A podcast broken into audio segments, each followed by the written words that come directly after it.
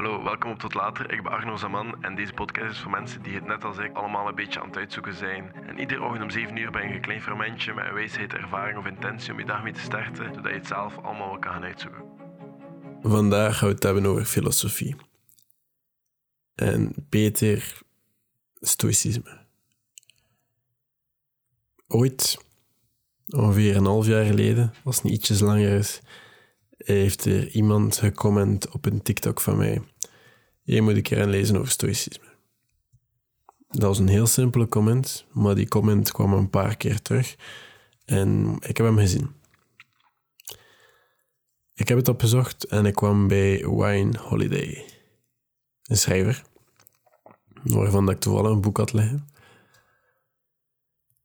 En ja, ik weet niet direct welk boek dat is. Ik denk Stillness is the Key. En ik heb direct een paar boeken besteld. The Daily Stoic en Obstacle is the Way. En nog een paar boeken die waarschijnlijk niets te maken hadden met stoïcisme, mij. En ja, ik ben sindsdien iedere dag de Daily Stoic ben gelezen. Ik heb ook dat journal ervan gebruikt, van de Daily Stoic. En ondertussen zijn we al vijf maanden verder dat ik iedere dag de Daily Stoic lees. En ik luister ook af en toe naar die podcast. Ik bekeek video's van de Daily Stoic. Ik, bekeek video's van andere dingen. Ik lees... Ik heb ook een andere boeken liggen over stoïcisme. Ik heb nog niet gelezen, maar ik heb ook verschillende andere boeken liggen. Het is niet allemaal van één bron, namelijk Ryan Holiday, maar het is wel de meest uitgesproken gast over stoïcisme, volgens mij. Um, in tijden van nu. Anders was het natuurlijk Marcus Aurelius de Stoïcijnse filosoof. Maar ik ga jullie een paar ideeën geven dat mij helpen in het dagelijks leven. Dat komen uit de Stoïcijnse filosofie. Want ik zeg het vanaf dat ik het ontdekt heb en erover meer begon te lezen en ja, begon bij te leren erover, zijn er wel heel wat zaken dat mij hebben geholpen. En dat mijn ogen een beetje hebben geopend en het is een beetje een guideline en dat helpt je wel. En je neemt dan altijd je eigen ideeën en je eigen visies uit. Je kan dan altijd mee doen wat je wilt. Maar voor mij persoonlijk heeft het wel al heel veel geholpen. Oké, als eerste is er het idee van, um, ik hoop dat ik het juist uitspreek, summum bonum. Dat wil eigenlijk altijd zijn het, het goede. Wij zijn in onze kern goede mensen en dat, dat geloven die filosofen ook. Wij zijn altijd goed en we moeten ook altijd goed doen we doen slechte dingen, maar als je slechte dingen doet, ga je geen vertrouwen hebben in andere mensen en ga je ongelukkig zijn. Want geluk komt door andere mensen te helpen en door altijd het goede en het juiste te doen. Wat dat de keuze ook is, wat dat de gevolgen ook zijn, je moet altijd het goede doen. Want het goede is wat dat we zijn en wat dat het kernidee is. En ik geloof dat ook. Ik vertrouw altijd iedereen, totdat ze mijn vertrouwen breken dan had dat heel wat moeilijker zijn. Maar ik start met een groot vertrouwen. Ik start met... Ik denk nog altijd dat iedereen goed is. En ik ga ook altijd... We, we vooroordelen allemaal. We maken allemaal de fouten dat we nadenken over mensen voordat we ze gezien hebben. Voordat we ze gezien hebben, maar... Ik probeer dat niet te doen en toch doe ik dat. Maar los daarvan ga ik er wel altijd van uit dat die persoon goed is. En zelfs moest die persoon niet goed zijn en in nood zijn voor hulp en ik ben in staat om te helpen en dat is op dat moment het goede ding om te doen, zonder dat ik mijn eigen mentale gezondheid of mijn eigen gezondheid in gevaar breng, is dat iets dat je moet doen. Maar of dat dan nu echt iets is dat je dan op dat moment echt moet doen of niet, dat is een veel moeilijker concept om over na te denken dan dat ik er nu tijd voor heb.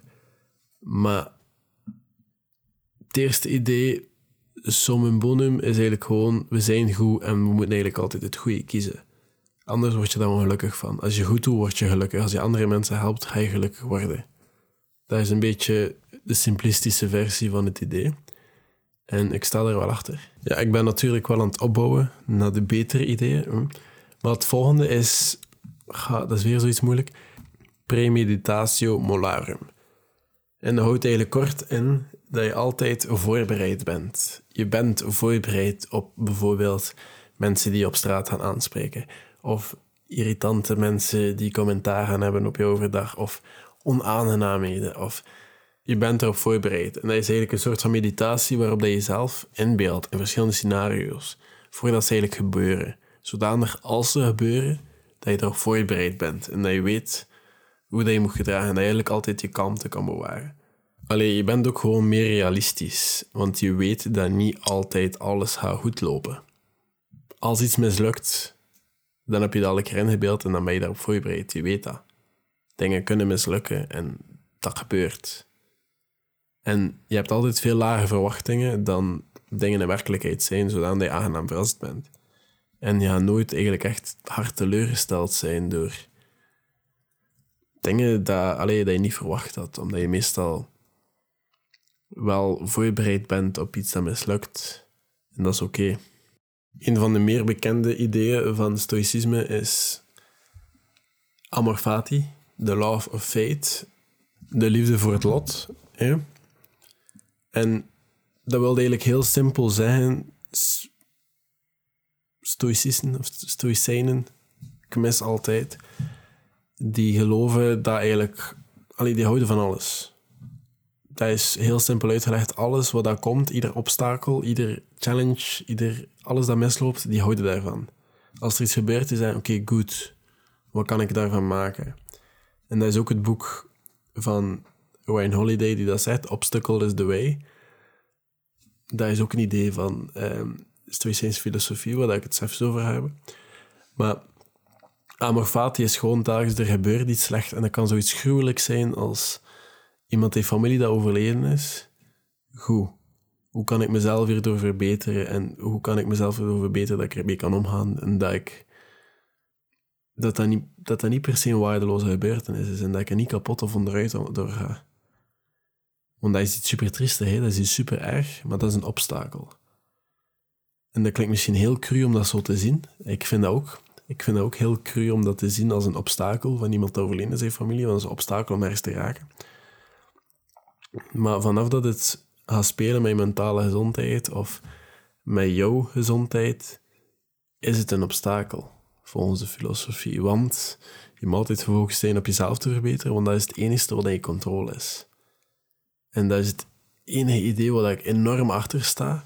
Alles wat dat niet aan je controle is, moet je geen energie in steken. En dat is zo, maar zo sterk pure voorbeeld en het is een heel flow voorbeeld. Maar het eerste wat ik, dat in mijn hoofd op ziet is... Um, ik zit in mijn laatste jaar marketing en ik heb dus heel wat projecten. En dus ik heb gewoon heel wat groepswerken, maar een beetje overdreven veel. En er was één groepswerk en ik had toevallig andere afspraken op een avond dat moest ingediend worden. En mijn deel van de taak was al lang klaar. En ik had ook bijgezet van, joh, het is klaar om in te dienen. En dan was er een hele onvolwassen preek dat ik uiteindelijk kreeg ehm, over het feit dat, dat, mijn, dat mijn bevestiging nodig was om het in te dienen. En dat ze dat graag gewild hadden. En omdat ik om 11 uur s'avonds niet op Messenger zat, was dat een heel probleem. Wat je uit dat stom kinderachtig verhaaltje kan... Oh, ik vind dat zwaar om te zeggen, maar wat je uit dat verhaaltje kan afleiden, is heel simpel dat wat die mensen op dat moment doen, super groepwerk. Allee, het is een goede groep. Hè. Het wordt goed samenwerkt en het project gaat over Mattentaart naar Heerhuisbergen, dat we die een beetje moeten redden. En dat gaat gebeuren, hè. maar die gebeurtenis, hoe kinderachtig dat ook is, kan je eigenlijk gewoon zijn wat die personen denken of zeggen, dat is buiten mijn controle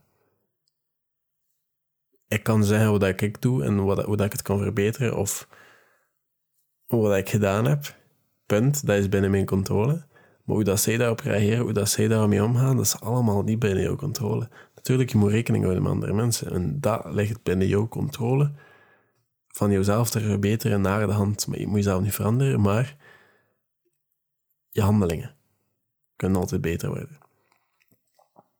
En op dat moment heb ik ook gezegd van als je bevestiging zoekt, kan je dat vinden. Een paar berichtjes geleden, ik heb gezegd dat mijn deel klaar was om in te dienen, ehm, geen probleem. En ik heb al de rest praktisch, ja, ik heb ook gezegd van, gaan we geen energie verspillen aan zoiets? En ik heb daar geen energie voor. En als je meer reactie wilt, ga je die ook niet krijgen. Ik ga ook niet reageren op haat. Dat is buiten mijn controle wat andere mensen denken van mij. Maar dat is goed. Uiteindelijk is dat alles dat slecht is of gebeurt, is goed. Gisteren, ik weet niet of je de podcast hebt gehoord, maar ik was super gestresseerd. En het werd me allemaal een beetje te veel dat ik zo weinig tijd had en tijd kon maken voor de dingen dat ik wou tijd maken. En dat obstakel was iets heel goed. Want wat ik heb daaruit mezelf moeten confronteren van hoe ga ik dat beter maken. En de oplossing was simpel en dat is bulken. Alles op één dag doen. Van verschillende zaken. En geen tijd verspillen met klaarzetten en afbreken en whatever. Maar dat kan niet simpel zijn, maar dat obstakel van me even heel kut voelen, is goed. Van hoe ga ik er beter uitkomen? En dat is het hele idee van amorfati.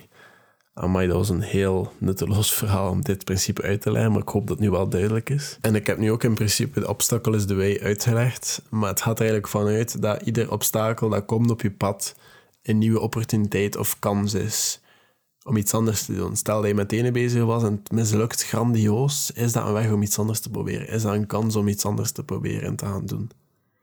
Zo gaan stoïcijnen ervan uit. Van, ah, als dat niet lukt, is dat een kans om het anders te proberen. Want de obstacle is the way. Dat moet ik volgen. Er is ook geen succesverhaal dat hij geen obstakels heeft ondervonden. Geen enkel obstacle is de way en ik ga er ook wel helemaal van uit. En het volgende idee, ik heb gezegd een paar podcasts geleden dat ik niet meer over het boek ging praten voor het is even geleden. En ego, ego is the enemy, dat is, er is geen enkele filosofie dat zegt dat ego is goed is. Het staat ook in het boek, ego is altijd iets slechts geweest. En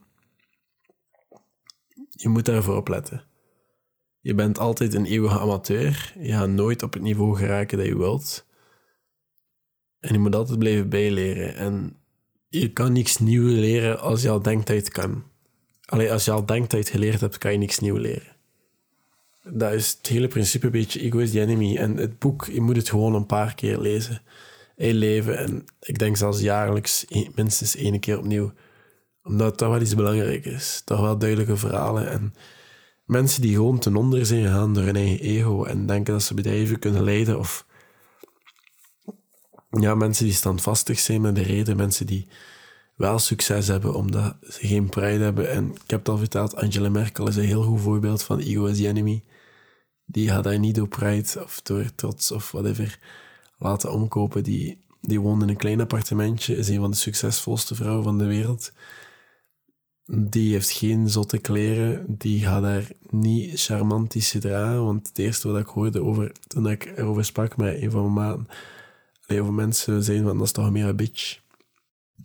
Ego is the enemy en ja, hou je daar ook aan. Dat is niet zo goed. Maar als je één iets uit deze podcast haalt, dan is het misschien wat je geen controle over hebt, heb je ook geen controle over. Controleer enkel wat je controle over hebt. Dat klinkt heel raar allemaal, maar focus op wat je controle hebt. Dat is beter gezegd. Focus je op jezelf keer inwaarts. Van hoe kan ik mezelf verbeteren? Hoe kan ik de toestand buitenom mij verbeteren door in mezelf te kijken? Daar heb ik controle over. Over al de rest heb je geen controle. Hoe je daarmee omgaat, heb je wel controle. En focus je daar ook gewoon op. En dan ga je een veel rustiger en minder gestresseerd leven hebben. En als je dan stress hebt, is het volledig even fout meestal. Want dat is binnen je controle. Dus um, als je iets hebt gehad aan deze podcast, laat een reactie achter op Apple Podcast. En je kan altijd volgen op Spotify, ook op Apple Podcast of whatever platform je aan het luisteren bent. En dan zou je deze podcast wel wel kunnen steunen. En dan hoor ik jullie morgen terug opnieuw. Tot later.